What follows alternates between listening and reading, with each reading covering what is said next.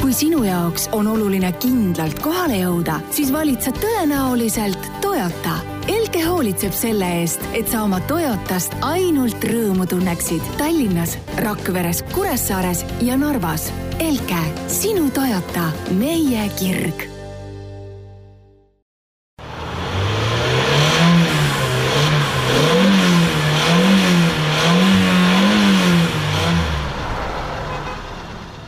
kolmapäev on käes ja see on istmesoojenduse päev. Äh, täna oleme stuudios mina, Jan Metsmandri ja minuga koos on siin Veli. tere jälle! nii, äh, täna meil on sellised teemad, kõigepealt räägime oma väiksest eksperimendist, äh, Hyundai i30 Fastback N versus Toyota Yaris GRMN, et me oleme seda küll naljatledes nimetanud kui Ott Tänaku eksperiment, aga me natuke räägime siis sellest, et missugused mõtted meil seal taga olid ja, ja mis me lõpuks sealt teada saime veel räägime ühest äh, kalkulaatorist, mis aitab võrrelda autode tasuvusaega ja aitab mõista seda, et kas mõistlikum on osta endale elektriauto, sisepõlemismootoriga auto või äkki hoopis gaasiauto. Äh, nagu eelmises saates mainisime, siis Veli ja Uku käisid hobiauto järgi, sellega seoses neil tuli terve hulk igasuguseid tähelepanekuid selle kohta, kuidas üldse Euroopas reisida võiks, kuidas seda turvaliselt teha, kus parkida kus peatuda, kus magada. Äh, proovisõiduautoks oli meil Toyota Camry, millega sõitsime siin juba mõnda aega tagasi, äh, lisaks sellele on meil stuudios meie toetaja Elke esindaja Raido Rosenfeld, kes äh, ise igapäevaselt Toyotadega tegeleb ja aitab meil paremini mõista siis seda, et kuidas, kuidas ühe Toyota ülalpidamine on ja, ja missuguseid Camrysid üldse meil saadaval on ja nipinurgas äh, räägime loomulikult äh, tormist, et kuna siin äh, täna juba on lubatud tegelikult, et tuleb väga tormine ilm, siis arutame natuke selle üle, et kuidas nendes tormistes eludes üldse autojuhina ellu jääda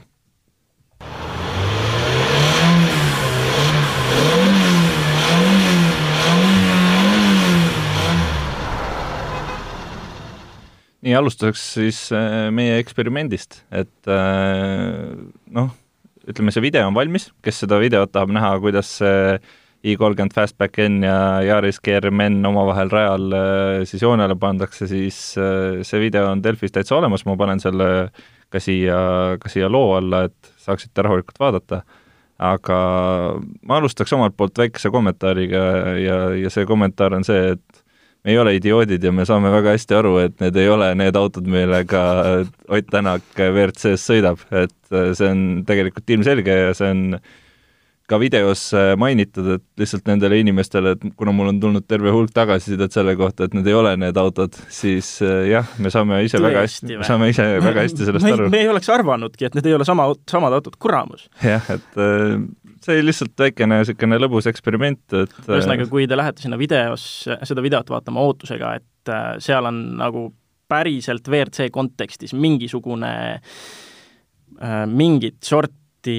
äh, tõsiseltvõetav võrdlus, siis ei, see on põhimõtteliselt see, kuidas kahte ägedat autot raja peal sõidutatakse. no ütleme, seal on mingid teatud sarnasused veel, et ongi see, et kuna WRC autodel on mingid sellised piirid, on ju, et äh, neil on täpselt need kilovattide või tähendab, need võimsuse piirangud, on ju, mõlemad on rida neljased autod, need WRC masinad, äh, ühe koma kuue liitrise töömahuga, kakssada kaheksakümmend kilovatti, umbes neljasaja viiekümne Newtonmeetri ringi jääv vääne, kõik on nagu sarnane, on ju, et seal ongi nagu see standard on muidugi, muidugi seal on nagu veel mingeid väikseid asju, mida iga tiim eraldi teeb konkreetseks ralliks ja nii edasi, kuidas juht eelistab sõita, on ju, et noh, seda mingisugust teaduslikku või sellist äh, objektiivsele tõele kandideerivat võrdlust on selles mõttes nagu väga keeruline teha, see eeldaks sisuliselt, et üks juht sõidaks samal ajal kahe autoga, mis on täpselt tehtud selliseks, nagu tema tahaks, on ju. aga see on nii mitmes äh, vaates nagu nii võimatu asi, mida teha, et et sellist asja ei ole vist nagu mitte keegi teinud. ühesõnaga, katse alus oli väga lihtne. Äh, Toyota, Hyundai, äh, kõik teavad, miks need kaks nime praegu tähtsad on mõlema tootja kõige kärtsumad masinad ja siis veel igaks juhuks võrrelda, et kas äh, võimsuse ja kaalu suhe on sama ja GRMN-il ja i30N-il ja i30N Fastbackil mõlemal on see kusagil äh, viis koma neli kilogrammi ühe hobujõu kohta. mõlemad masinad on esiveolised ja mõlemal olid all võrreldavad äh, lamellrehvid ja me panime nad samal rajal sõitma ja vaatasime lihtsalt, äh, kuidas nendega täpselt lõbutseda saab aga räägime natuke nendest tulemustest, et äh, kuigi meil seal videos äh, tuli selgelt välja, et Hyundai võitis ja ilmselt oleks võitnud veel rohkem, kuna meil oli seal väikseid tehnilisi viperusi, mis, mistõttu siis Veli ei sõitnud sellega nii piiri peal, kui ta muidu sõitis, Veli sõitis siis mõlema autoga minust oluliselt kiiremini et, äh, et Veli oleks kindlasti sealt Hyundai'st ka veel, äh, ma kujutan ette, vähemalt sekundi välja võlunud. seal oli jah see lugu, et äh, Hyundai'l läksid kuidagi mingil põhjusel pidurid äh, pehmeks suhteliselt ruttu, mis tähendab, et ma hakkasin varem pidurdama ja natuke nõrgemalt. Jah, seal kindlasti oleks võinud veel aega juurde võtta äh,, kiiremini sõita seda rada, aga lõppkokkuvõttes jällegi see ei ole nii-öelda tõsiseltvõetav ajavõrdlus selle koha pealt, et äh, rada oli libe ja märg ja me nühkisime sõidujoont kuivemaks ja me saime teha seda, et mõlemad kriitilised ajasõidud me tegime siis äh, põhimõtteliselt äh, kaheminutiste vahedega. ja autode vaheks jäi seal jah, null koma kuus sekundit, Hyundai oli kiirem, mis oli selge, on see, et Hyundai kurvikiirused tänu piiratud libisemisega diferentsiaalile on kusagil viis-kuus kilomeetrit tunnis kiiremad kui GRMN-il ja pikemal rajal annaks see veelgi rohkem tunda, lisaks see ka veel, et Äh, ta ikkagi on väledama minekuga, hoolimata sellest, et massi ja kaalu, massi ja võimsuse suhe on tegelikult sama kui GRMN-il. aga, aga räägime äkki veel sellest, et äh, sa tegelikult jäid ju Toyotaga sinna ka ütleme, pärast meie eksperimenti sõitma, on ju. et kas sa võlusid sealt äh, veel mingi parema aja välja? jah, see oli ka mulle üllatav, et siis, kui oli juba video purgis ja ilm tõmbas, temperatuur läks natuke soojemaks, ja oli juba kaamerate kokkupakkimine ja kõik ja ma viisin veel Toyota mõned tiirud rajale ja üllatusin, nähes, et äh, nüüd viimane sõit oli neli sekundit kiirem tegelikult kui päeva esimene sõit. ja see oli puhtalt seetõttu, et esiteks temperatuur, rada kuivas, teiseks me nühkisime sisse sõidujoone, kolmandaks ma õppisin väga väga selgelt äh, ära selle nii-öelda siis nende tingimuste ideaalse sõidujoone, mis oligi see kuivaks nühitud osa, kogu aeg äh, hoidsin väliskurvi ratast seal kuiva osa peal, et pidamist oleks rohkem, kurvikiirused paranesid märgatavalt ja sealt see tuligi, lisaks sellele loodus tegi ka oma töö ja kuivatas rada veelgi. vot see kõik tõestab ainult ühte asja, et äh, lõppude lõpuks on ikkagi juht see, kes sõidab ja sõit, sõitku me kas või WRC masinatega, siis lõppude lõpuks äh, Tänakule me nagunii oskuste poolest ligilähedalegi ei ulata, on ju. et, äh, et ei ole see, ei ole see auto peamine, mis sõidab, vaid ikka see, mis seal äh, rooli ja istme vahele jääb. aga, aga nüüd räägime ühest kalkulaatorist, millega saab autode tasuvusaega võrrelda, et soomlased on siis sellise asja valmis teinud ja, ja sealt lähtub siis selline tõde, et selleks, et tahta elektriautot ja kui, kui nüüd elektriautot ja sisepõlemismootorit võrrelda, siis selleks, et elektriauto ennast ära tasuks, tuleb sellega sõita umbes kakskümmend tuhat kilomeetrit aastas ja niimoodi viis kuni kaheksa aastat. et äh, kuidas see sulle tundub, palju sa aastas sõidad, kas see tundub midagi, millele sa ligilähedale võiks ulatuda? minu jaoks see kakskümmend tuhat on jällegi äh, palju, sellepärast et äh, ma just siin hiljuti arvutasin igakuiseid väljaminekuid ja vaatasin, et mina sõidan oma isikliku autoga, kui nüüd kõik proovisõiduautod kõrvale jätta, isikliku autoga ma sõidan ainult kusagil kaks paagitäit kütust kuus, ehk siis äh, Subaru puhul tähendab see seitse kuni kaheksasada kilomeetrit. aasta peale kokku teeb see siin alla kümne tuhande natukene mm. -hmm. et äh, mul võtaks kindlasti see äratasumine kauem aega aga jällegi neid juhte on kindlasti väga palju, kes sõidavadki kakskümmend tuhat keskmiselt. ja aga põhiline asi selle kalkulaatori juures on see, et nüüd on väidetavalt seal arvesse võetud neid tegureid, mis on pikalt olnud nii-öelda elektriautode hall ala. et muudkui kuuled, et ühed äh, väidavad, et jaa-jaa, elektriauto on nii roheline, teised jälle raiuvad vastu, et et äh, ei, aga siin ei ole arvesse võetud ju seda, kui palju CO2 ja muid heitmeid tekib siin akude tootmisel, akude hoiustamisel, järeltöötlusel, äh, utiliseerimisel, et nüüd väidetavalt see kalkulaator võtab seda kõike arvesse. Ja kui sa selle sinna sisse lööd, äh, siis, siis ta ütlebki sulle selle aja,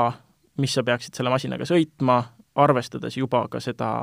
akudega seonduvat siis keskkonna jalajälge samas on see ikkagi seotud nagu ainult akudega, et kindlasti selliste ütleme, mitut erinevat sellist valdkonda hõlmavaid tarneprotsesse kaasavat tootmist on nagu väga keeruline vaadelda selliselt. aga see on jällegi see, et sa võta lihtsalt see, et äh, akud ongi sul erinevus äh, nende kahe masina vahel põhimõtteliselt ju. et sa võid äh, kalkuleerida, teha selle kalkulaatori veel raskemaks ja kalkuleerida kõik muud tootmisprotsessid, tarneahelad sinna sisse, või siis sa võid need välja jätta, sest mõlemal autol on need laias laastus samad, kui me akud kõrvale jätame, akud ongi just jah, see võti siin tegelikult jah, aga, aga tulles tagasi selle, selle kahekümne tuhande juurde, siis eks võib öelda, et Eestis on neid inimesi küll, kellele elektriautoga sõitmine tegelikult ennast ära tasuks äh, siis selle kalkulaatori järgi. Viis kuni kaheksa aastat ei ole tegelikult nagu väga pikk aeg, et et juba siin eelmise põlvkonna elektriautod tegelikult ei väsi selle ajaga ära, et väga ilusti saab hakkama, ei ole vaja uusi akupakke hakata ostma, nii et kes sõidab üle kahekümne tuhande aastast, siis tundub, et tasub üha enam vaadata elektriauto poole. Aga nüüd räägime sellest, kuidas äh, sina ikkagi elektriauto poole ei vaadanud et äh, käisite toomas ühte Toyotat, räägi meile sellest autost natuke lähemalt. jah, jällegi see on vist siin nüüd päris mitmes eelnevas saates ka ära mainitud, aga käisime kolleeg Uku Tamperega Šotimaal, Glasgow's tõime ära ühe kolmanda põlvkonna Toyota MR2. Ja siin auto valimisest või see, see, miks see on just see auto, sellest kirjutasin ma eraldi loo, äh, siis sellest reisist kui sellisest on mitu ka nii-öelda reisikirja vormis asja järjest üles tulnud äh, Acceleristasse, Delfisse, et äh, Ukuga vaheldumisi kirjuta-, kirjutasimegi, et Uku kirjutas siin sellest reisimise enda praktilisest poolest, kuna tal on nii palju kogemust lihtsalt UK vahet nühkimisega. See oli tema järjekorras saja viiekümne kuues reis, et ta on UK vahet käinud väga palju ja kui ei oleks siin Ukut olnud abis, siis tõenäoliselt ma oleks teinud mingisugused väga ebaoptimaalsed valikud selle reisi ettevõtmiseks ja see oleks läinud ebamõistlikult kulukaks ja seda nii ajaliselt kui rahaliselt. aga praeguse seisuga olen ma väga rahul, kuidas see kõik välja kukkus. see oli põhimõtteliselt niimoodi, et nädal aega Eestist Eestini ja lõppkokkuvõttes oli see reis ikkagi puhkus, ükskõik, et oli tööasju, oli mingeid Accelerista asju kirjutada Ehm, see mõjus ikkagi väga mõnusa äraolemisena, et tegelikult täielik mõttepuhkus, lihtsalt käid ja ainuke mure, mis on, ongi see, et auto, mis treila peal järel on, oleks seal kuni reisi lõpuni ja et kusagile keegi kinni ei peaks ja ajaliselt hiljaks ei jääks kuskile. Aga tulles tagasi selle Uku ju loo juurde, siis äh, mingil põhjusel oli see väga selline probleemikeskne, et äh, fookuses tundusid olevat vargad ja röövlid, et kas teil juhtus seal midagi või, või Äh, meil endal äh, õnneks ei juhtunud midagi säärast, aga Ukul tulid lihtsalt kogu seda marsruuti läbi sõites jälle meelde sellised probleemkohad, mis tal kunagi on olnud. et äh, põhiline oligi see, et need veokijuhtide parklad tee ääres näiteks, sõidumeerik tiksub täis, päeval enam sõita rohkem ei tohi, jäävad sinna magama, tihtilugu on see, et õnneks seal parklates on veokijuhtide vahel selline mm, vaikimisi niisugune ilmselge ühtekuuluvustunne ja üksteise kaitsmine, aga sellegipoolest seal toimetavad äh, pimeduse varjus igasugused tegelased, et Ukul oli mitu situatsiooni, kus äh, täiesti ebamõistlikult lühikese aja jooksul avastas ta, et äkitselt on autos sees käidud. et äh, üks juhtum oli see, kus ta sõitis ühe naisterahvaga ühest neist parklatest läbi, korra jäi seisma, äh, midagi nad seal kähku toimetasid, tõstsid vist autos ümber, äh, Uku käis korra juhi kohalt ära ja kui nad hakkasid minema sõitma, siis sellest parklast väljasõiduteel oli selle naise käekott. et keegi oli lihtsalt pimeduse varjus põõsastest korra tulnud, võtnud, vaadanud kähku, kas seal on midagi haarata ja vähemasti on nii inimene, et pannud selle tagasi sinna nähtavale kohale väljasõidul.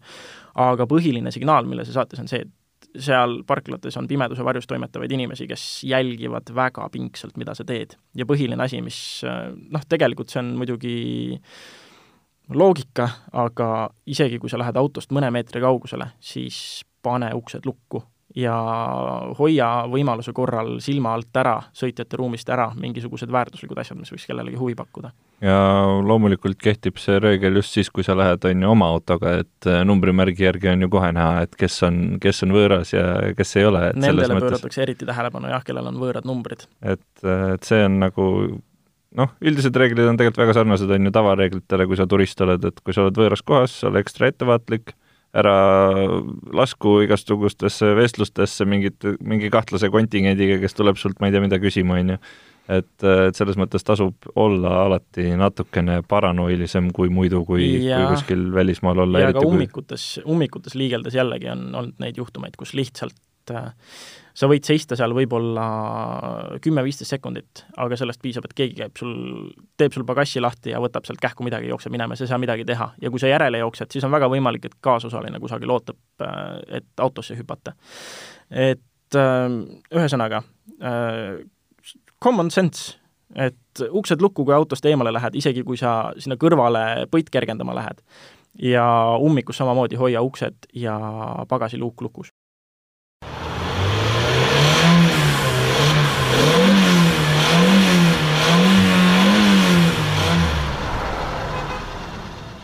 Ja nagu lubatud, siis äh, selle nädala proovisõiduautoks oli meil äh, Toyota Camry ja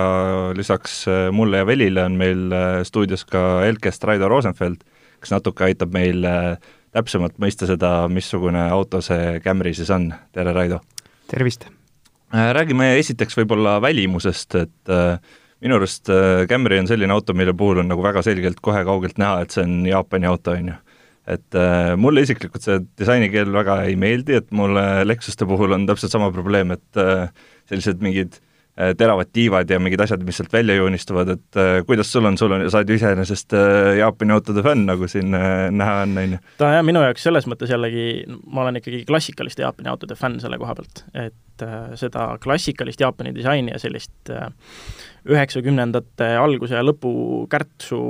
jaapanlast mina seal ei näe jällegi. et ta on kõige kõrgema klassi Toyota, mida sa saad, kui me nüüd Lexusest ei räägi nii-öelda. Ja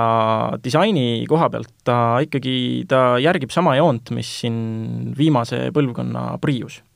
Aga see on hea tegelikult, et sa selle Lexusega võrdluse välja tõid, sest et minu arust on äh, eriti kui me lähme vaatame sissepoole, siis äh, on äh, väga oluline küsimus minu arust see, et miks pe-, miks peaks keegi üldse Lexuse poole vaatama tegelikult et no muidugi Lexusel on mingid omad argumendid, et nad tahaksid, et kõik teaksid, et neil on mingid käsitsi õmmeldud istmed ja, ja mida iganes, on ju, aga ja kelle jaoks see nii tähtis on. jah, et kelle jaoks see nii tähtis on, tegelikult ei ole mitte mingit vahet, et kui sa võtad praegu Camry seest, on ju, siis äh, see, mille poolest ta Lexusele alla peaks jääma, seal ei ole seda tegelikult, kui me vaatame hinnalipikut, siis äh, Camry on seest selle raha eest ju väga-väga ilus auto. jah, seal on nipet-näpet mingid väikesed asjad, mis tõesti noh, see on täpselt see, et tundub, et Toyota ja Lexus hoiavad üksteist siis nii-öelda mingi, ma ei tea, kolm aastakest lahus äkki või. et äh, näiteks, mida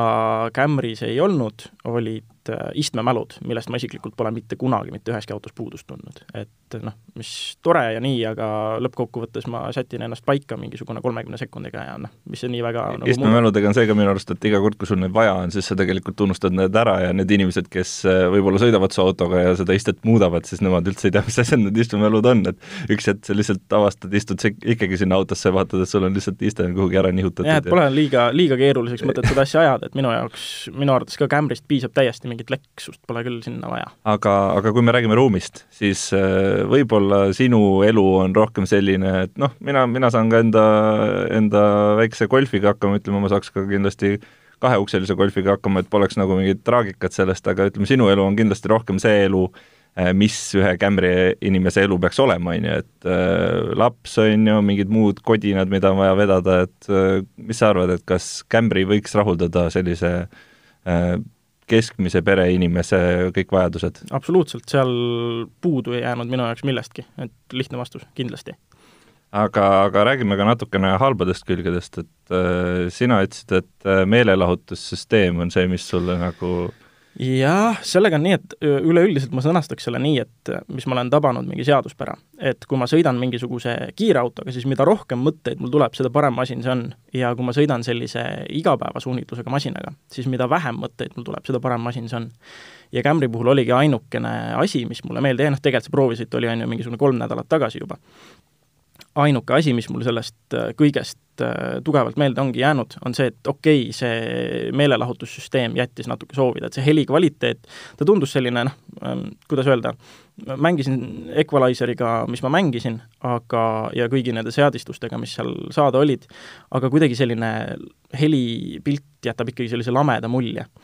Mm.. minu arust on äh, legendaarne probleem nii Lexuste kui ka Toyotade puhul on see äh, ühilduvus, et, äh, et kui sa tahad oma telefoni näiteks sinna külge panna, eriti kui sa juhtmega tahad seda sinna külge panna, siis see on nagu üks täielik peavalu, et äh, mul viskas ta ka kogu aeg sellesse screen mirroring mode'i, kuigi ma ei tahtnud seda absoluutselt kasutada, esimene kord, kui ma lihtsalt panin juhtme taha, siis ta kuidagi ühendas seal midagi juba ära, et äh, Raido, äkki kommenteerid omalt poolt, et äh, kuidas sellega on, et kas äh, mingi hetk võime ka oodata seda, et saab telefoni täitsa probleemideta sinna Toyota külge ühendada?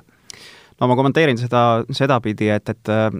iga auto, mis meilt võetakse sõiduks äh,, siis äh, selle üleandmisel ühendatakse ka kasutajatelefon ära, et, et äh, ütleme, et äh, nii-öelda igapäevaselt minule tundub, et see ühendamine on üsna lihtne. sinule, kes sa võib-olla esimest korda istud äh, Camrysse või, või, või sellise Toyota loogikaga autosse, et kus on multimeedia natuke teistsugune, et siis ta tundubki võõras. minu jaoks on see hästi elementaarne ja, ja loogiline see teine küsimus, äh, mis puudutab ähm, ühilduvust äh, tulevikus, siis äh, Toyotal jah, tuleb välja selline multimeediasüsteem, mis siis peegeldab ka nutitelefoni auto ekraani peal ja juba on see kättesaadav ka, nii et ütleme, selle ühendamine on suhteliselt lihtne, kui sa, kui sa tead, kuidas seda teha. mis autodele see tuleb, kas see tuleb siis ainult nagu uuematele autodele või see tuleb mingisuguse tagasiulatuva uuendusena ka vanematele mudelitele? Juba täna on see saadaval äh, uuel CHR-il ja tagasiulatuvalt siis äh, hakkab saama ka Ravil seda uuendust äh, on võimalik nagu teha. Ja, ja, ja tulevikus uue põlvkonna Corolla ka, et, et, et hetkel veel ei ole, aga, aga see süsteem tuleb, jah. Kui me nüüd tuleme selle Camry juurde tagasi, siis Camry puhul on oluline see ka, et Eestis on meil saadaval siis ainult hübriidid ja, ja mina ütlen ausalt, et see oli sissesõiduperioodil auto, on ju, praegu,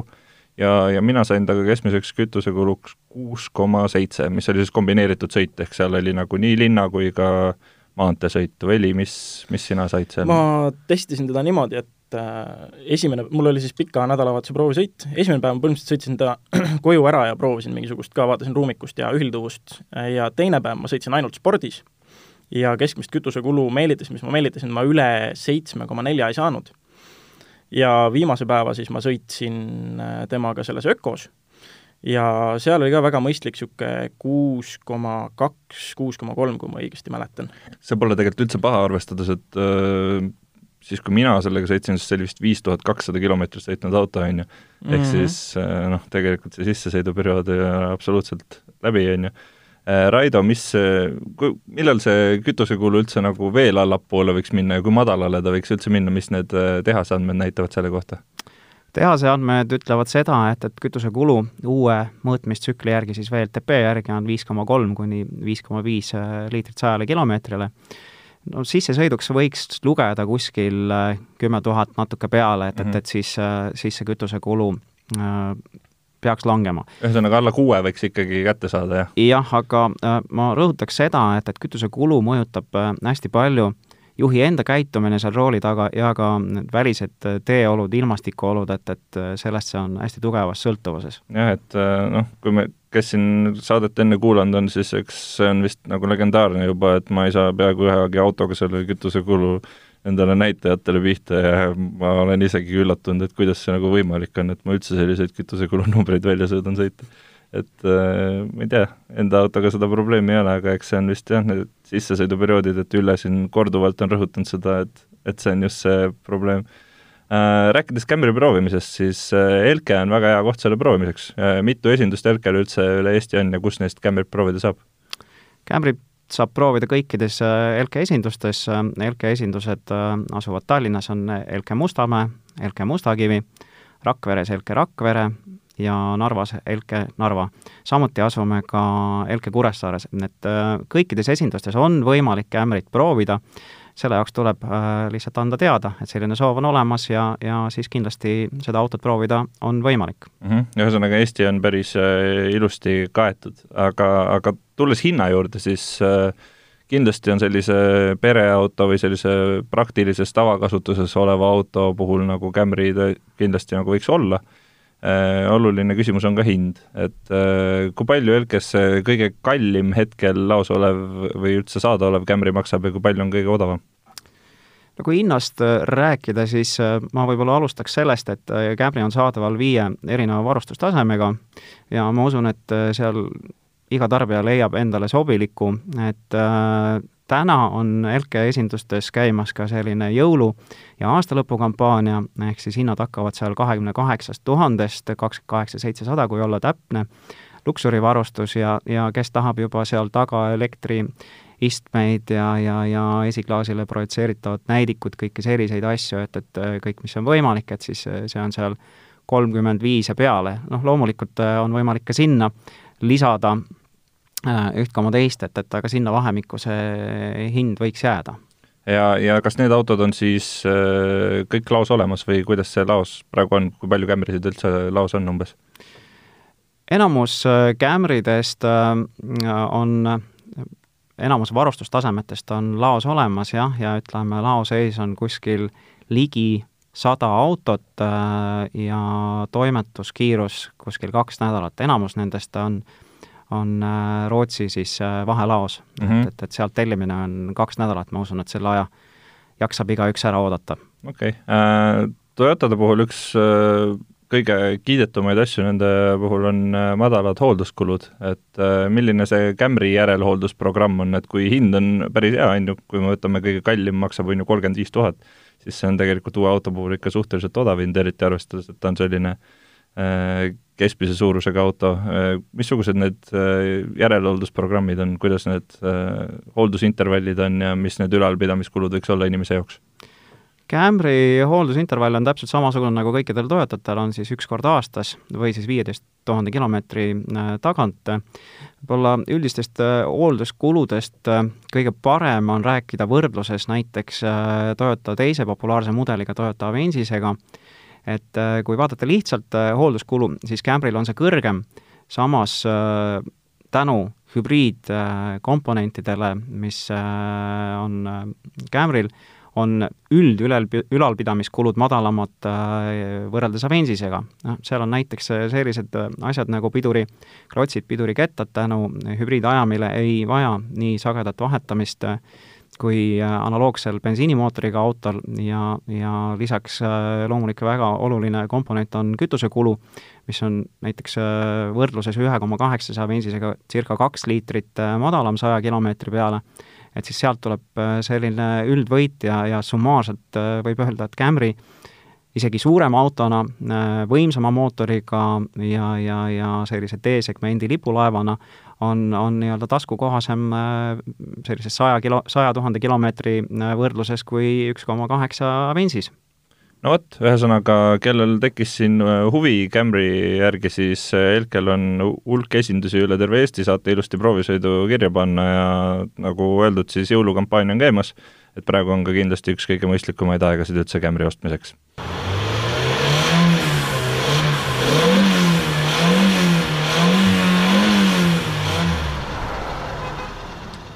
ja nüüd äh, tormis hakkama saamise kohta, et kuna siin on äh, lähipäevil lubatud kõvasid tormituuli, siis äh, natukene räägime sellest, et mida sellel juhul teha võiks.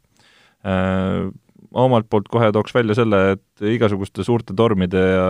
selliste võimalike katastroofiliste sündmuste puhul on kõige olulisem asi ennast kursis hoida, et seda on nagu kõik päästjad, kõik äh, eriväelased, kõik, kes tegelevad selliste asjadega, on ju, siis informatsioon on alati number üks asi. Et kui sa, kui sul on infot, siis sa, siis sa oled ka tõenäoliselt selleks asjaks õigesti valmistunud äh,. Kui siin Ülle kirjutas pikemalt vist äh, selle kohta, et kuidas tormis hakkama saada, siis äh, noh, tema soovitused olid seal, et varu vett, kütust, taskulamp, süüa autosse varu näiteks tekk, ma ütleks, et see on nagu natukene paranoiline, eriti kui sa sellise äh, igapäevaelu veedad kuskil äh, asula ligiduses, siis sul tõenäoliselt ei lähe neid kõiki asju vaja äh,. kui sa tead, et sa elad kuskil äh, linnast väljas, kuskil äh, mööda mingit väikest teed pead sõitma või sa tead, et sul on mingi pikem sõit ees, siis võib-olla need ei olegi nii paranoilised soovitused, et äh, igal juhul tuleks äh, kasutada seda informatsiooni, mis sul on, ja, ja üritada siis seda rakendada sellele, et mis sul plaanis on. et äh, lähipäevil kindlasti kellelgi mingeid pikki sõite nagu teha ei soovita, kui, kui saab ka teistmoodi ja, ja, ja kui sõita, siis loomulikult on selline rakendus, mida oleme siin juba korduvalt välja toonud, nagu Tark tee. et äh, sealt saab samamoodi informatsiooni selle kohta, et missugused need äh, teeolud on, kus on mingid probleemid ja, ja siis saab nendega kohaneda. Veli, on sul omalt poolt midagi veel lisada äh,? nii väga tegelikult ei olegi, sellepärast et äh, põhiline asi on see, et kui on tõesti lubatud, et on tulemas suuremat sorti torm, siis äh, minu esimene mõte oleks, et äh, kui nüüd on tööasju teha, kas ma saan neid teha nii-öelda kodukontorist, kas ma pean üldse sõitma ja kui on tulemas torm, kus lubatakse ka lund, siis äh, otsin ma hoopiski esimese võimaluse, et äh, minna ja seda Subaruga läbida, aga see ei olnud mina. et äh, kui on suurem torm ikkagi, siis arvestades kõiki ootamatusi, mis võivad juhtuda, siis pigem äkki vältida seda, seda sõitu üleüldse. ja nüüd selle viimase, viimase tormi osas, mis siin nüüd juba alguses oli, sel ajal, kui Mukuga reisil olime, siis äh, noh, selles mõttes see oli jällegi väga mõnus üleelamine, et meie sel ajal loksusime laevas kas Travemünde poole või Travemündest Helsingi poole. Ja lained olid mõnusad, hüpitasid, uni tuli hea, ei, ei olnud midagi halba selles mõttes selles tormis. No vot, ühesõnaga sõitke turvaliselt ja nüüd tuleb meil pikem paus sisse, kuna siin on tulemas jõuluperiood ja, ja aastavahetusperiood, et ilmselt kuuleme juba järgmisel aastal, aitäh!